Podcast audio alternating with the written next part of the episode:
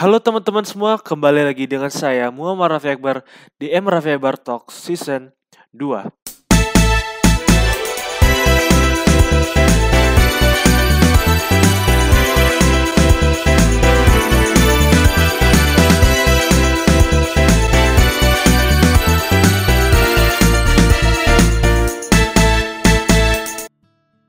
Halo teman-teman semua, kembali lagi dengan saya Muhammad Rafi Akbar di M Rafi Akbar Talks.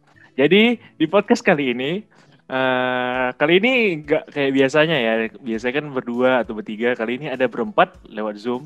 Uh, teman-teman, pada kali ini kami akan membahas seperti yang udah dibilang di judul, membahas ketika overproud melanda. Tapi sebelum itu, saya ingin memperkenalkan teman-teman saya di sini. Di sini ada Bang Reka Bayu Pramana. Halo Bang Bayu. Halo. Bang Bayu sebelumnya udah pernah muncul di podcast ya. Halo Bang Adi Faras. Ya, pernah, pernah. Halo. Bang Adi juga udah pernah masuk di podcast. Nah, iya, tamu istimewa yang hari ini pertama kali ya ikut di MRF Bar Talks, yaitu salah satu teman jauh ya. Udah lama juga nggak jumpa. Dia tinggal di pulau yang berbeda dari kami. Jaraknya puluh-puluhan kilometer. Halo Fadila Hasya. Halo Aca. Halo, Darafi. Halo. Jadi pada podcast kali ini kami membahas overproud ya kawan-kawan. Jadi masalah overproud ini menjadi hal yang santer dibicarakan oleh orang Indonesia, apalagi sifat-sifat netizen Indonesia ini yang kebanyakan norak ya. Norak sebenarnya bukan secara sarkas kita bilangin norak, tapi berlebihan. Uh, jarang juga malah menjadi bawaan ke arah yang fanatisme jadi sebelum kita bahas ke topik yang paling utamanya, Raffi ingin tanya dulu ke Bang Andi, gimana pandangan Bang Andi mengenai mengenai overproud ini?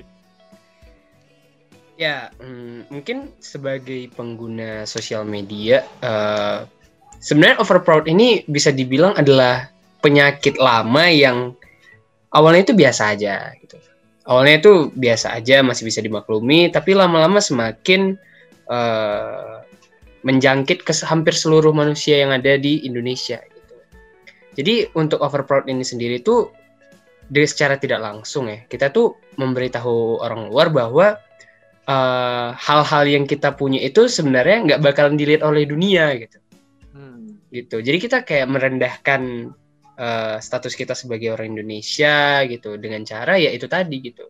Sedikit saja mereka sebut sesuatu dari Indonesia langsung wah Wah. Mereka langsung bangga ya, padahal sebenarnya hal itu sebenarnya harus di dianggap biasa aja ya. Iya benar. Andi gitu. Iya kecuali kecuali kayak uh, Weird Genius yang memang udah sampai ke New York, nah itu kita boleh bangga, bener.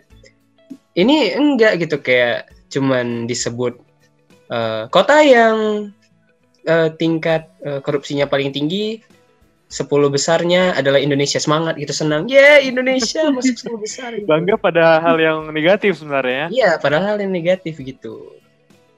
Jadi kayak bukan harus diberantas sih kayak ini kan kayak seperti anak-anak jadinya. Kan kalau anak-anak kita dulu mah di situ ada Indonesia mah di situ ada Indonesia nggak masalah namanya anak-anak gitu. Tapi ini kan udah hampir hampir semua gitu sebagai orang yang sering over proud gitu.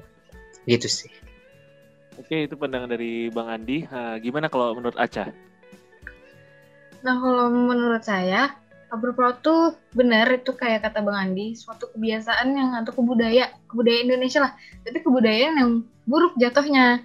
Soalnya seolah seolah-olah beberapa orang Indonesia ini nganggap kayak bule-bule atau bahkan cuma bule, bahkan semua orang luar kali ya, dianggap lebih superior gitu. Mungkin karena karena standar yang sudah tertanam di otak kali ya kita nganggap orang luar tuh uh, lebih lebih hebat lah atau lebih lebih cakep atau dari fisiknya mungkin lebih punya kelebihan yang yang ya bisa bikin orang Indonesia tuh kayak ini loh standarnya. Jadi seakan-akan kalau misalnya kita apa pun itu eh, konten-konten uh, gitu yang di reaction sama mereka itu kayak dianggap wah kita ini dilihat sama orang yang lebih tinggi daripada kita padahal sama aja loh sama-sama sama-sama manusia sama-sama orang yang hidup di bumi gitu kan yeah. terus kalau ngelihat beberapa di Indonesia tuh kan kebanyakan ya rata-rata karena hal sepele.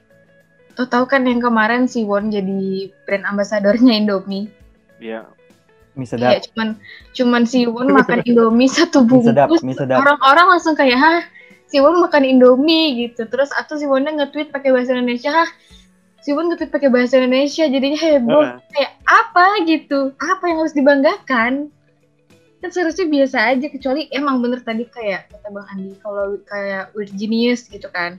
Yang emang udah jelas prestasinya apa atau misal Indonesia menang olahraga di mana gitu atau eh, public figure-nya dapat penghargaan di mana gitu. Nah, itu nggak apa-apa. Emang kalau prestasi dibanggakan nggak apa-apa, tapi kalau cuman hal sepele buat apa? Benar sih. Jadi sebenarnya secara nggak langsung ya buat eh, orang Indonesia ini seakan mengakui kalau orang dari asing itu dari orang dari luar negeri itu lebih superior dari orang-orang kita gitu kan. Iya, Secara nggak langsung buat orang Indonesia itu mengakui kalau misalnya mereka itu lebih rendah daripada orang-orang di luar negeri. Padahal kan sama aja ya kan. Iya sih, Nah, benar. Nah, nah, kalau Bang Bayu gimana melihat melihat fenomena yang ada di Iya. masyarakat ya, apalagi kebanyakan bukan kita mau merendahkan orang-orang kita juga, eh, tapi kebanyakan orang-orang norak yang ada di negara kita ini kebanyakan yang sebenarnya tidak tahu mau harus membanggakan apa. Jadi kesannya terkejut aja ketika ada orang luar negeri yang membawa budaya Indonesia semisalnya, tapi terlalu berlebihan gitu. Eh, kalau menurut saya sih ya poin-poin yang udah dijabarin sama Andi sama Aca sih ya bagus ya bener gitu. Tapi Iya. kalau dibilang sampai eh, jadi budaya gitu kayaknya eh, enggak ya. Soalnya budaya itu kan eh, nilai luhur gitu, nilai yang baik yang diwariskan bertahun-tahun dari nenek moyang sampai ke generasi kita gitu. Jadi kalau disebut budaya eh, jangan sampai jadi budaya karena ya tidak jadi si ini tuh tidak ada nilai luhurnya gitu. Nah, sebenarnya untuk si fenomena overproud sendiri itu tuh jadi negatif menurut saya eh, karena benar tadi katanya hal-hal sepele se- sepele kayak cuman disebut namanya gitu Indonesia atau disebut kotanya, disebut makanan khasnya sama eh, orang random di luar negeri gitu. Bahkan kayak eh, kemarin itu yang sempat heboh juga yang masalah eh, ini apa namanya Vicky Naki yang Kinaki, ya yang bikin konten eh, ngobrol sama orang asing gitu kan terus orang asingnya tuh random gitu kayak ya udah kayak kita gitu kan bukan siapa-siapa ya kita tuh benar. tapi mereka tuh tertarik sama Indonesia ya wajar kan karena ya kita pasti juga tertarik kan dengan negara lain gitu jadi tertarik dengan Indonesia bla bla bla tapi orang Indonesianya ya gitu kayak oh follow follow ini ya, apa cantik ya, bla bla bla gitu kan Iya, Orang benar. luar negeri gitu padahal kan ya sama gitu sebenarnya bukan siapa-siapa cuman orang random aja bahkan ketemunya di platform itu gitu Bebas ya. Mm. eh, platform online itu gitu. Jadi sebenarnya agak ya agak sedih tapi kalau misalnya emang dibenerin gitu cara over proudnya kayak misalnya bener tadi eh, prestasi eh, pencapaian negara atau pencapaian internasional seperti itu itu tuh Iya. kalau di over proud kan justru jadi positif gitu kayak s- jadi se- seakan-akan satu Indonesia mendukung prestasi yang didapatkan dari atlet kita misalnya atau Iya. pemerintahan kita jadi ya sedikit eh, 50-50 sebenarnya dalam keadaan over proud ini seperti itu sih Jadi kan karena overproud ini menjadi apa ya sih? Ya kita nggak bisa bilang ini sifat yang akhirnya membudaya gitu kan di orang-orang kita. Tapi ini menjadi satu hal yang negatif kalau misalnya orang-orang sana malah merasa dirugikan gitu dengan sifat-sifat overflow kita. Mungkin ada cerita misalnya gini ya, eh, orang luar negeri mungkin cover lagu misalnya dari orang Indonesia gitu kan. Orang Indonesia mungkin lagi tren lagunya, mungkin dibawa ke sana dan bahkan banyak orang luar negeri itu bahkan youtuber-youtuber atau orang-orang konten kreator luar negeri itu mema- memanfaatkan netizen plus 62 ini dengan situasi ini untuk menarik penonton ke konten mereka gitu. Gimana kalau menurut abang-abang dan kakak kalian sekalian? Kalau Bang Andi ada ada pendapat? Ah ya, uh, benar sih. Uh, jadi uh, semakin ke sini, semakin ke jam uh, hari ini gitu. Jadi makin banyak kayak konten kreator yang terutama itu di TikTok ya, karena uh, TikTok benar. itu merupakan sebuah aplikasi yang mana dia itu merangkum uh, worldwide gitu, nggak berdasarkan lokasi aja.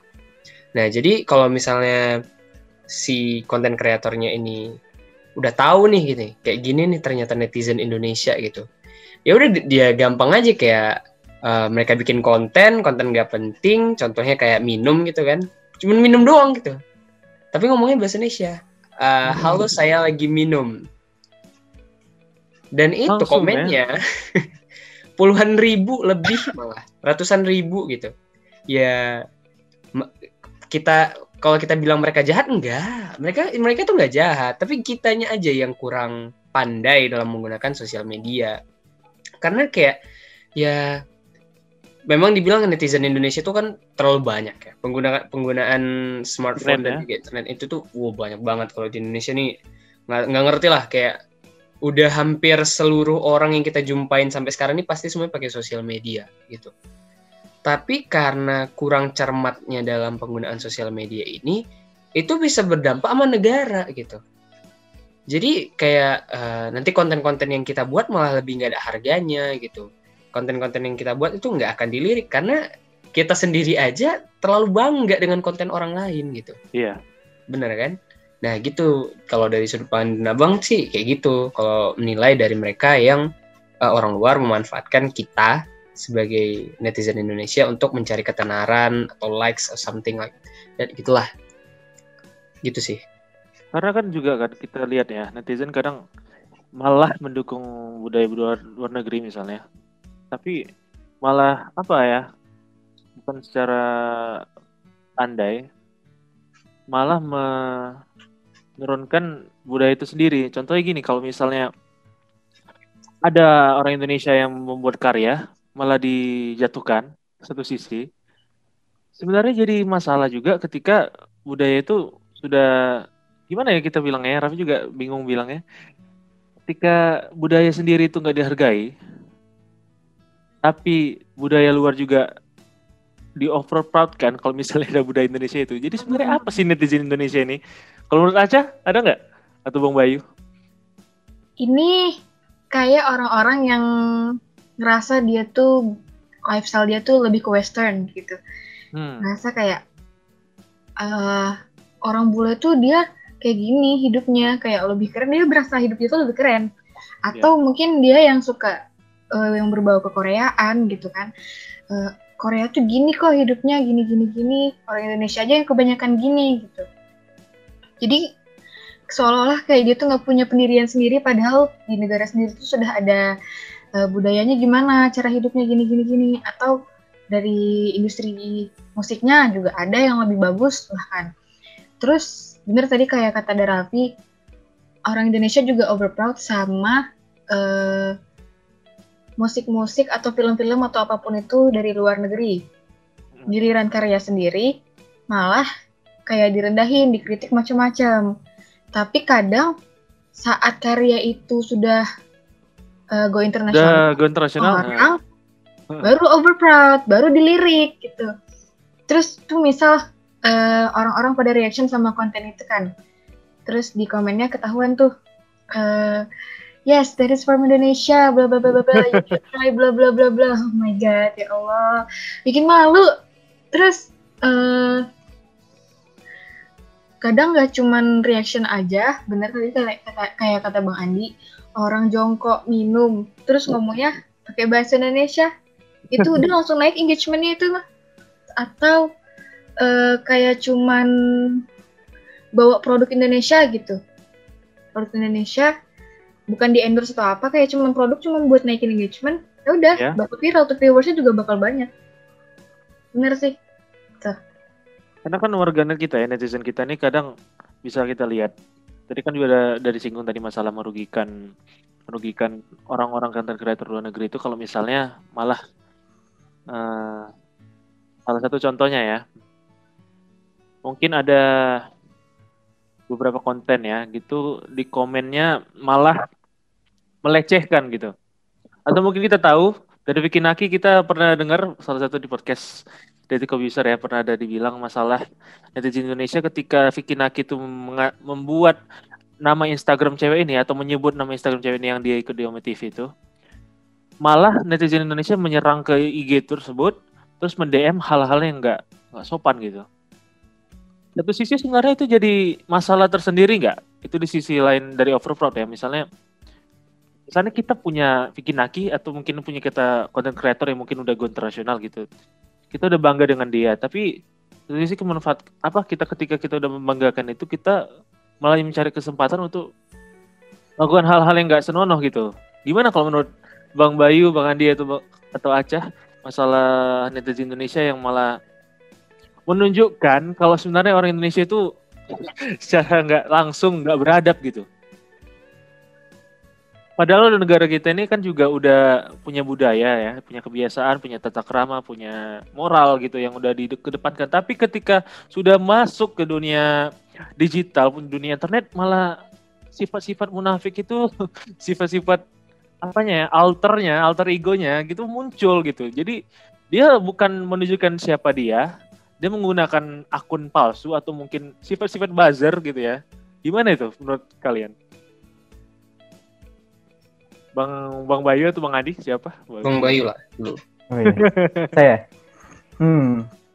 Sebenarnya uh, di kasus ini uh, udah nggak cuma terjadi di Indonesia ya sebenarnya karena uh, setahu saya di uh, Inggris lebih tepatnya itu lagi rame juga tentang isu rasisme gitu ke uh, pemain bola berkulit hitam gitu jadi uh, lagi marak terjadi di seluruh dunia tentang masalah uh, DM DM ini. Entah kayak uh, kalau diceritain tentang yang pemain bola misalnya lebih ke kayak uh, dia bermain buruk terus malah diserang personalnya lewat ya, uh, benar. sosial media pribadinya gitu. Terus atau kalau masalah yang Vicky Naki tadi tuh di uh, diserang IG orang yang nggak tahu apa-apa gitu. Yang bahkan ketemu Nakinya kan nggak sengaja gitu. Kayak nggak nggak di nggak bakal apa nggak bakal expect bakal jadi kayak gitu. Makanya uh, sebenarnya uh, apa ya ini tuh sifat-sifat yang menurut saya lahir dari istilah cyberbully atau uh, ya itulah. Jadi orang-orang itu me, menut jadi menggunakan tameng sos tameng dunia maya yang tidak terlihat untuk menyerang orang demi uh, kepuasan sendiri gitu. Yeah. Bahkan nggak ada intensi apa-apa gitu. Bahkan kadang-kadang mereka tuh cuman pengen uh, aja gitu ya. Iya, pengen aja buat seneng-seneng buat itu. Jadi kayak uh, apa ya? Dan ini tuh uh, masalahnya tidak terjadi cuman di Indonesia gitu. Dan itu sedihnya kayak ini tuh salah satu fenomena lain yang cukup global gitu. Dan ditambah lagi dengan yang over proud ini uh, beberapa kasus mungkin diserang beberapa kasus mungkin kayak oh I love I, I like your ya yeah, your apa padahal be aja gitu kayak post biasa kita juga ngepost biasa kan tapi komennya sampai sepuluh ribu terus isinya tentang ya ada beberapa yang kayak I love you bla bla bla bla tapi kadang-kadang ada yang menjurus ke jokes jokes yang nggak pas gitu nggak pantas diucapkan. Jadi kayak menurut saya ya itulah. Dan ini tuh ya menyedihkan gitu. Sebagai kita kan penggiat sosial media juga gitu. Kita nggunain sosial media juga. Dan ya. uh, kita jadi was-was juga sebenarnya. Ada mungkin kemungkinan kita bisa berada di posisi itu atau kita melakukan itu. Jadi sebenarnya agak uh, agak harus hati-hati gitu di uh, ininya di sosial media masing-masing gitu. Mungkin Andi punya pendapat lain Andi, dari Maca? tadi. Uh, kalau dari Andi sendiri ya, pertama itu uh, kalau misalnya uh, orang Indonesia ya, orang Indonesia aja deh, uh, kita kan kurang tahu gitu. Sebenarnya kenapa apa motif dia buat uh, bilang itu apa motif dia buat ngomong itu. Uh, pertama kalau dari Andi sendiri itu ngikut-ngikut awalnya. Pasti ngikut-ngikut. Wah gila nih uh, ngechatnya kayak gini apa komennya kayak gini. Kayaknya keren nih komen kayak gini gitu. Padahal dia nggak tahu gitu bahwa uh, yang dia lakukan itu bukan karena eh bukan dilihat bahwa dia yang lakuin tapi ini negara dia gitu dia ngomong pakai bahasa apa. Terus nanti orang langsung ngira bahwa semua orang Indonesia itu kayak gitu. Padahal sebelumnya kita udah dapat title nih kan. Kita dapat title bahwa orang Indonesia itu ramah-ramah. Gitu. ya kan orang Indonesia mudah senyum segala macem. Ya meskipun kita anggap itu enggak sebenarnya benar kan. Tidak ya, tidak sebetulnya benar. nah uh, pada saat itu aja orang ngira kita tuh ramah gitu. Maksudnya kita ada poin plus yang kita yakin tuh kayaknya nggak cocok lah gitu di negara kita gitu kan. Tapi makin kita kemari malah kita membantah sendiri juga uh, title yang diberikan oleh orang luar gitu. Bukan kita bangga tentang apa yang mereka bilang, tapi kayak uh, ikonnya itu dapat di kita bahwa kita tuh orang-orang yang ramah gitu kan. Nah, muncullah uh, coronavirus, muncullah work from home, terjadilah uh, penggunaan internet yang membludak gitu. Makin bertambahlah netizen-netizen yang awalnya nggak mungkin nggak main, tapi jadi main karena gabut kan di rumah. Nah terjadilah orang-orang yang eh, kaget-kaget lah gitu kita bilang, wah gila nih di sini ternyata ada ini, di sini ternyata ada ini gitu. Nah kayak konten Vikinaki itu uh, buat mereka-mereka yang sebelumnya tuh hanya ngelihat konten-konten orang konten-konten orang Indonesia terus jumpa sama orang luar itu langsung kayak ih gila bule cantik cakep putih. Langsung mikir wah ini di chat kayaknya bisa nih ini chat kayaknya bisa nih ini kayaknya bisa nih dijadiin pacar nih. Padahal padahal mereka tuh ya bukan kita bilang nggak mungkin gitu tapi nggak akan iya kan? Gitu ya gak mungkin lah lu bakalan macarin orang yang jumpa orang lain tuh secara random. Lu siapa gitu coba tapi kalau misalnya kita mikir lebih dalam lagi kalau kita komen ini contoh nih contoh aja nih contoh dari komen yang agak bukan agak sih udah nggak sopan sih nggak sopan uh, sering dilihat juga sih sering andi lihat juga di TikTok uh, misalnya kita buat ini adalah perempuan ya karena paling sering itu perempuan paling sering itu perempuan yang bikin konten Yeah. Dia, misalnya dia pakai baju pink gitu kan. Oke. Okay. Jadi uh, komen-komen yang paling sering dilontarkan oleh para laki-laki itu adalah um, selain bajunya yang pink, uh, apalagi yang pink gitu. Itu kayak itu awalnya cuma satu dua loh itu yang komen. Awalnya itu awalnya cuma dikit banget ini komen kayak gitu. Karena pada takut. Itu orang masih takut. Tapi makin kemari itu komen orang Indonesia kan. Ya? Iya, itu semua dari atas. Apalagi Sampai sejak ada fitur top comment terus like itu mm-hmm. Secara nggak otomatis malah mengajak apa ya mereka langsung menjawab, mereply atau mungkin melike komen itu. Jadi jadi top komen terlihat gitu kan? Iya, jadi kan kita malu kan kayak what the hell dude gitu. Kenapa rupanya gitu?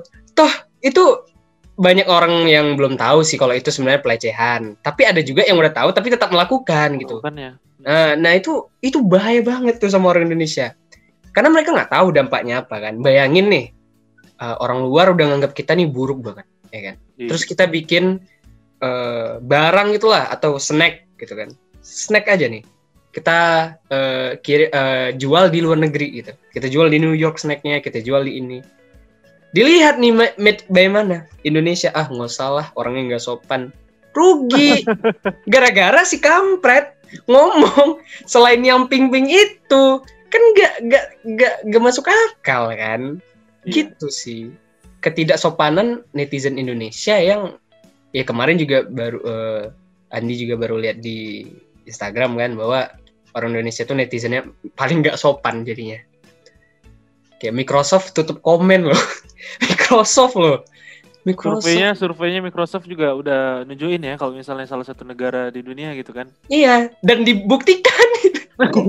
dan dibuktikan dengan dengan cara menyerang mereka. Iya. itu jadi masalah yang ya makin apa ya?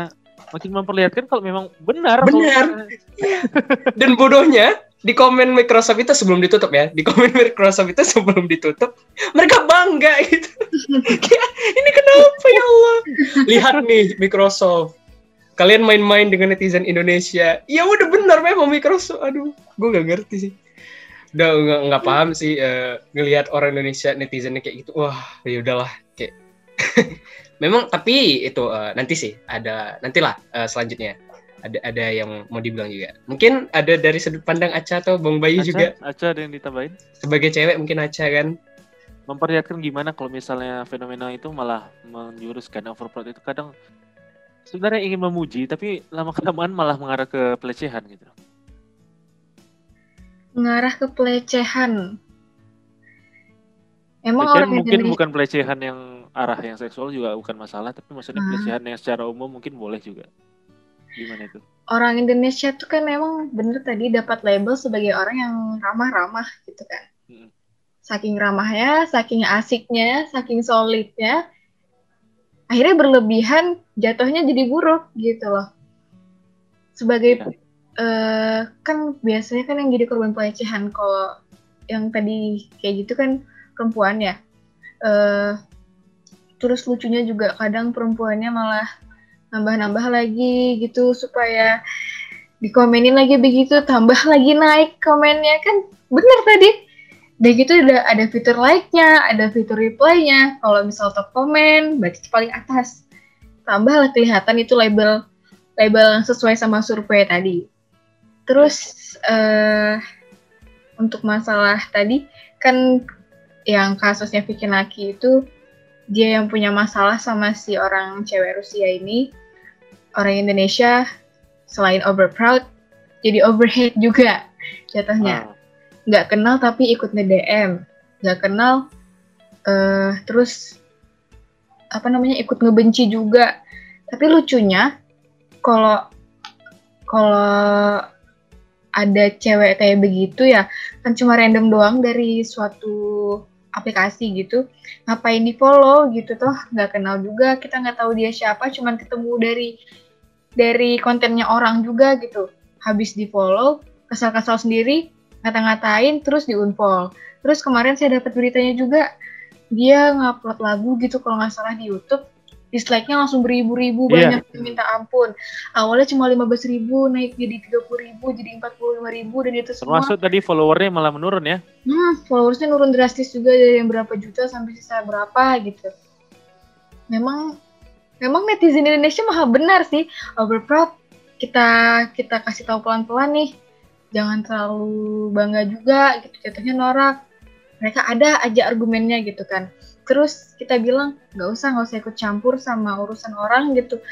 Ada lagi argumennya. Pokoknya maha benar lah. Jadi Nggak kan ada gini, salah. jadi gini tadi udah disinggung masalah prestasi tadi sama Bang Adi di awal ya kan. Terus tadi kita juga udah bahas beberapa hal. Ketika ada misalnya atlet atau mungkin musisi Indonesia atau budaya Indonesia atau mungkin seniman atau mungkin berbagai hal yang bikin orang Indonesia bangga gitu. Bukankah sebenarnya gini, ketika seorang atlet ya contoh kita buat aja atlet gitu. Atlet itu udah berlomba di luar negeri. Atlet ini orang Indonesia. Kita lihat netizen Indonesia ketika dia menang, kita tuh bangganya habis-habisan. Itu sebenarnya secara psikologis kan buat mereka menjadi terbebani ya sebagai atlet kan. Terbebani gimana kalau mereka kalah gitu. Hmm, hmm, hmm. Kalau mereka kalah, apa nggak jadi masalah bagi orang Indonesia dengan sifat Indonesia yang kadang cuma bangga ketika itu membanggakan, tapi malah menjatuhkan ketika itu memalukan gitu. Gimana kalau menurut Bang, Amo, Bang Andi atau Bang Bayu? Mbak ya. Atau Aca dulu, Aca dulu. Gantian. Karena karena kita lihat ya karena kondisi yang kayak gitu kita udah terlalu bangga dengan orang se- seorang ini mungkin kita udah idolakan dia tapi ketika dia kalah kita malah alah gitu aja aku nggak aku nggak bisa menang lagi sih gitu gitu Ya awalnya awalnya memang- bangga awalnya bangga Iya, awalnya memuji. awalnya bangga. Awalnya bangga di, di bangga banggain sama orang Indonesia gitu kan. Hmm, kadang juga eh dikasih judul berita tuh yang berlebihan juga gitu. Ya benar. tambah jadi beban lagi. Kalau misalnya kalah kadang ada yang ngata-ngatain ada yang eh, langsung nyuekin gitu nggak tahu-tahu gitu. Kalau misalnya dia nggak berhasil gitu kan. Hmm. tapi kadang memang bener jadi beban soalnya seolah-olah si atlet ini merasa kayak dituntut harus menang terus harus menang terus gitu. Kalau misalnya nggak mau pasang muka di mana gitu. Iya. Tadi sempet saya ceritakan sama teman saya, ada pemain bola, saya lupa dari mana, eh pemain bola Indonesia gitu. Tapi dia mainnya di luar, main di Iya. luar. Terus klub bolanya ini menang. Dipasanglah berita di Indonesia, klub ini menang karena ada si ini gitu. ada si pemain bola itu padahal si atlet ini masuk itu pas menit ke 90 dan itu cuma jadi cadangan bukan jadi pemain eh, apa sih utamanya gitu lah istilahnya. Jadi sudah dapat apa sih judul yang berlebihan ya akhirnya orang Indonesia jadi salah paham gitu dibangga-banggakan pas nggak ada namanya lagi udah seolah-olah kayak angin hilang Iya sih karena ketuntut, rasa dituntut itu harus selalu menang gitu kan. Terus memang kadang kita bukan menyalahkan media, tapi media kadang kan memang perlu engagement yang besar dengan hal yang kayak gitu. Tapi secara apa ya kita lihat itu malah pengaruh negatifnya malah lebih besar bagi netizen Indonesia ketika mereka terlalu bangga dengan sesuatu, mereka malah bersikap berlebihan dengan itu pasti over proud dengan dengan hal tersebut karena mungkin rasa norak itu masih tetap ada gitu, tetap muda ya. Tadi ada mau ditambahin dari Bang Bayu atau Bang Adi mengenai atlet tadi yang sebagai Ya. contoh. Mungkin Eh, kalau eh, balik ke zaman 2012 sampai 2000 atau 2010 ya, 2000 ya di awal-awal 2010 itu ada suatu fenomena unik juga di Indonesia. Jadi atlet-atlet atau eh, klub eh, olahraga yang juara itu tuh langsung jadi bintang iklan eh, produk sosis. Eh, masih ingat kan pasti? Ingat kan ya pasti. Nah, itu tuh uh, sempat jadi satu uh, perbincangan di uh, anak-anak ya kita yang muda-muda ini uh, jadi apa ya bahan bercandaan gitu kayak uh, so- uh, uh, apa ya si atlet ini setelah dapat si iklan ini itu performanya menurun. Nah, jadi kayak suatu ketika ada satu atlet nih uh, atlet muda yang sedang naik daun ya, performanya sedang baik gitu. terus tiba-tiba uh, di komen di mana dibilangnya "Eh, jangan jangan jadi bintang iklan ini dulu jangan jadi bintang iklan sosis Hmm. dulu jangan jadi bintang iklan sosis dulu nanti jelek jadi kayak sebenarnya uh, lucu sih kayak fenomena ini tuh lucu dan ya apa ya pasti setiap orang ngerasa ah aku nggak mau apa ya, nggak mau mengecewakan orang nih nggak mau mengecewakan apalagi aku bawa nama negara gitu kan. Kalau atlet kan bawa nama mewakili 270 juta jiwa di Indonesia kan mempertaruhkan eh, apa berkompetisi untuk dapat eh, penghargaan gitu. Tapi eh, sifat orang Indonesia yang sendiri tuh nggak nggak apa ya eh, terlalu mementingkan hasil gitu dan nggak ngelihat misalnya dia kelihatan padahal berjuang nih dari babak pertama, babak kedua, mungkin babak ketiga sampai final mungkin.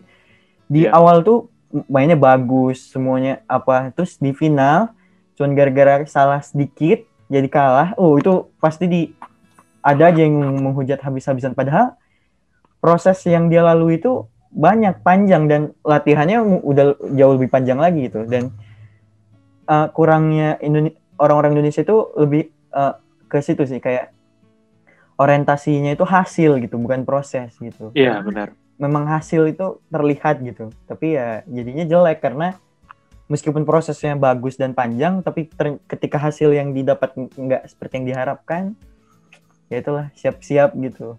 Siap-siap buat ya gitu. Dihujat ya. betul. Jadi, ya Karena- sedih sih Kita udah bercakap lebih dari 30 menit ya, udah setengah jam lebih kita diskusi di sini. Eh, jadi sebagai kata pengantar terakhir, ada nggak eh, setidaknya sebagai anak muda kita, sebagai remaja atau dewasa muda, sebagai generasi penerus bangsa ya, atau mulut-mulutnya gitu, karena juga kita bukan merepresentasikan semua anak-anak bangsa ini karena nggak semuanya juga peduli dengan hal ini, nggak semuanya juga peduli dengan sifat-sifat overflow ini ya, ya biasa aja gitu loh, biasalah gitu kan. Biasalah. Jadi kan- jadi kan- Bisa lah. jadi jadi kan kita lihat kan kalau misalnya anak muda ini malah tetap mempertahankan rasa norak itu gitu. Gimana menurut abang-abang dan kakak sekalian?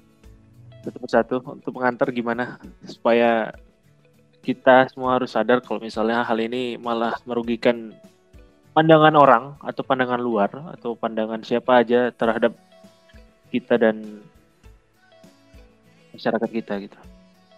Bang Andi? Mungkin kalau dari Bang sendiri uh, anggap aja orang yang mau kita uh, misalnya kalau misalnya sisi dari kayak netizen Indonesia yang gampang menghina atau melakukan hal-hal buruk terhadap orang lain. Tuh kita anggap aja orang yang bakalan kita komen itu adalah orang yang dekat sama kita gitu. Entah ibu kita entah keluarga kita sendiri. Dan itu bakalan jadi pencegahan sih. Kalau misalnya dia memang uh, peduli gitu. Atau nggak uh, usah ke keluarga kita anggap aja itu diri kita. Gimana rasanya kalau kita tuh dilecehkan? Gimana rasanya kalau kita tuh dibully? Itu pasti udah langsung sadar gitu. Uh, terus kalau misalnya over proud uh, gimana ya kayak cobalah untuk uh, membuat suatu karya yang baru daripada bolak-balik mengapresiasi orang lain gitu. Iya, benar. Buat karya sendiri, buat suatu hal yang uh, kita bisa gitu. Ya, kayak apa sih yang pasti semua orang bisa ngelakuin satu hal yang uh, sangat bagus gitu tanpa terkecuali. Pasti semua orang punya keahlian yang memang dia bisa kembangkan, dia bisa kasih lihat ke luar sana gitu. Daripada dia bolak-balik ngapresiasi orang lain, bolak-balik melihat eh, konten-konten ataupun karya orang lain, terus dia nggak berbuat gitu. Nah, jadi lebih bagus kita ngebuat daripada kita ngomentarin gitu sih kalau dari abang sendiri. Dan kalau yang tentang uh, atlet tadi, uh, tidak semua atlet itu selalu dalam kondisi prima gitu. Bisa jadi dia hebat dalam satu pertandingan itu karena kondisinya prima gitu. Atau sebaliknya dia nggak hebat dalam satu pertandingan itu karena memang dia kayak gitu sebenarnya gitu. Kebetulan hmm. aja kemarin jago gitu. Nah, jadi jangan terlalu apa ya? Jangan terlalu berharap lebih gitu dengan orang-orang yang kita nggak tahu gimana kehidupannya. Gitu sih. Kalau dari Andi gitu sih. Kalau dari Acah? Ya intinya tuh kurang-kurangin lah overproudnya gitu. Overproud tuh ya boleh lah kita bangga. Bangga itu memang salah satu sifat yang nasionalis nasionalis ya kan? Iya. cuman ya boleh bangga tapi jangan norak. Ya intinya gitulah. Pada tempatnya pada waktunya. Gitu. itu aja sih. Bang Bayu ada yeah. komentar terakhir uh, kalau saya ya kurang lebih sama ya. Jadi kayak proud kan su suatu hal maksudnya proud dan pride gitu kayak kita yeah. kan iya. punya uh, pride kita gitu ya kita harus proud kan karena kita punya pride-nya itu sendiri jadi sebenarnya proud ini tuh suatu bentuk uh, penyemangat gitu buat kita sendiri, buat warga-warga, buat uh, orang-orang plus 62, buat uh, terus mengembangkan, terus meluaskan uh, pengaruh Indonesia gitu atau pengetahuan dunia tentang Indonesia. Dan itu bagus, tapi ketika proud itu menjadi over seperti hal lainnya ketika jadi over itu yeah. tuh ada dampak jangka panjang atau jangka pendek yang harus diketahui harus dipahami bakal bisa terjadi gitu jadi kan memang segala sesuatu yang over itu umumnya berakhirnya tidak tidak baik ya jadi ya proud boleh over proud jangan gitu lebih ke gitu sih terus uh, apa ya bener kata Andi tadi kayak uh, ngapain komentarku terus bikinlah karya gitu nah uh, ini bisa juga jadi salah satu uh, orang buat sadar gitu kayak ngapain kita mengharapkan orang internasional uh, uh, mengapproach Indonesia, kenapa nggak kita yang approach Indonesia ke dunia internasional yeah. gitu? Kita bawa nama Indonesia ini kita kenalkan ke dunia luar sebagai negara yang ramah, negara yang tidak toksik dan lain sebagainya. Tapi ya susah karena sekarang malah Indonesia terkenalnya jadi negara toksik dan ya itu apalagi survei itu kan ya yeah. naik Kangen ini ya. Jadi ya seperti itu sih kalau menurut saya. Jadi teman-teman uh, terima kasih sudah mendengarkan diskusi kami pada hari ini karena ini merupakan diskusi yang salah satu yang menyenangkan ya karena fenomena overflow ini menjadi ya sebenarnya sudah hampir membudaya secara penuh di masyarakat kita dan semoga dengan dengan cerita-cerita ini kami dapat kami sendiri kami dapat memberi peringatan kami sendiri dan juga kepada teman-teman untuk sekalian untuk jangan terlalu bangga dengan sesuatu. Dan dengar apa kata Bang Bayu tadi pas itu boleh proud dengan sesuatu tapi jangan terlalu over gitu ya karena semua yang over kadang itu terlalu malah membuat masalah yang baru gitu kan. Ya, teman-teman, terima kasih sudah mendengarkan Emra Faber Talks pada hari ini. Jangan lupa untuk selalu mendengarkan podcast ini di Spotify dan platform lainnya. Namun sebelum itu, ada yang mau ngasih Instagram? Aca? Apa yang bisa di... Hah? Instagram? Ya, promosinya apa aja boleh. Promosi. Adalah Instagram aja. Fadil Hasya. Oke, Bang Andi? ya, kayak biasa ya. Andi Faras dengan triple S. Terima kasih. Bang Bayu? Ya, kalau saya nanti cari di IG-nya Raffi aja, buka IG-nya Raffi, ke following atau follower, terus kita nam namanya Reka Boy Pramana ini kelihatan. Sama deh.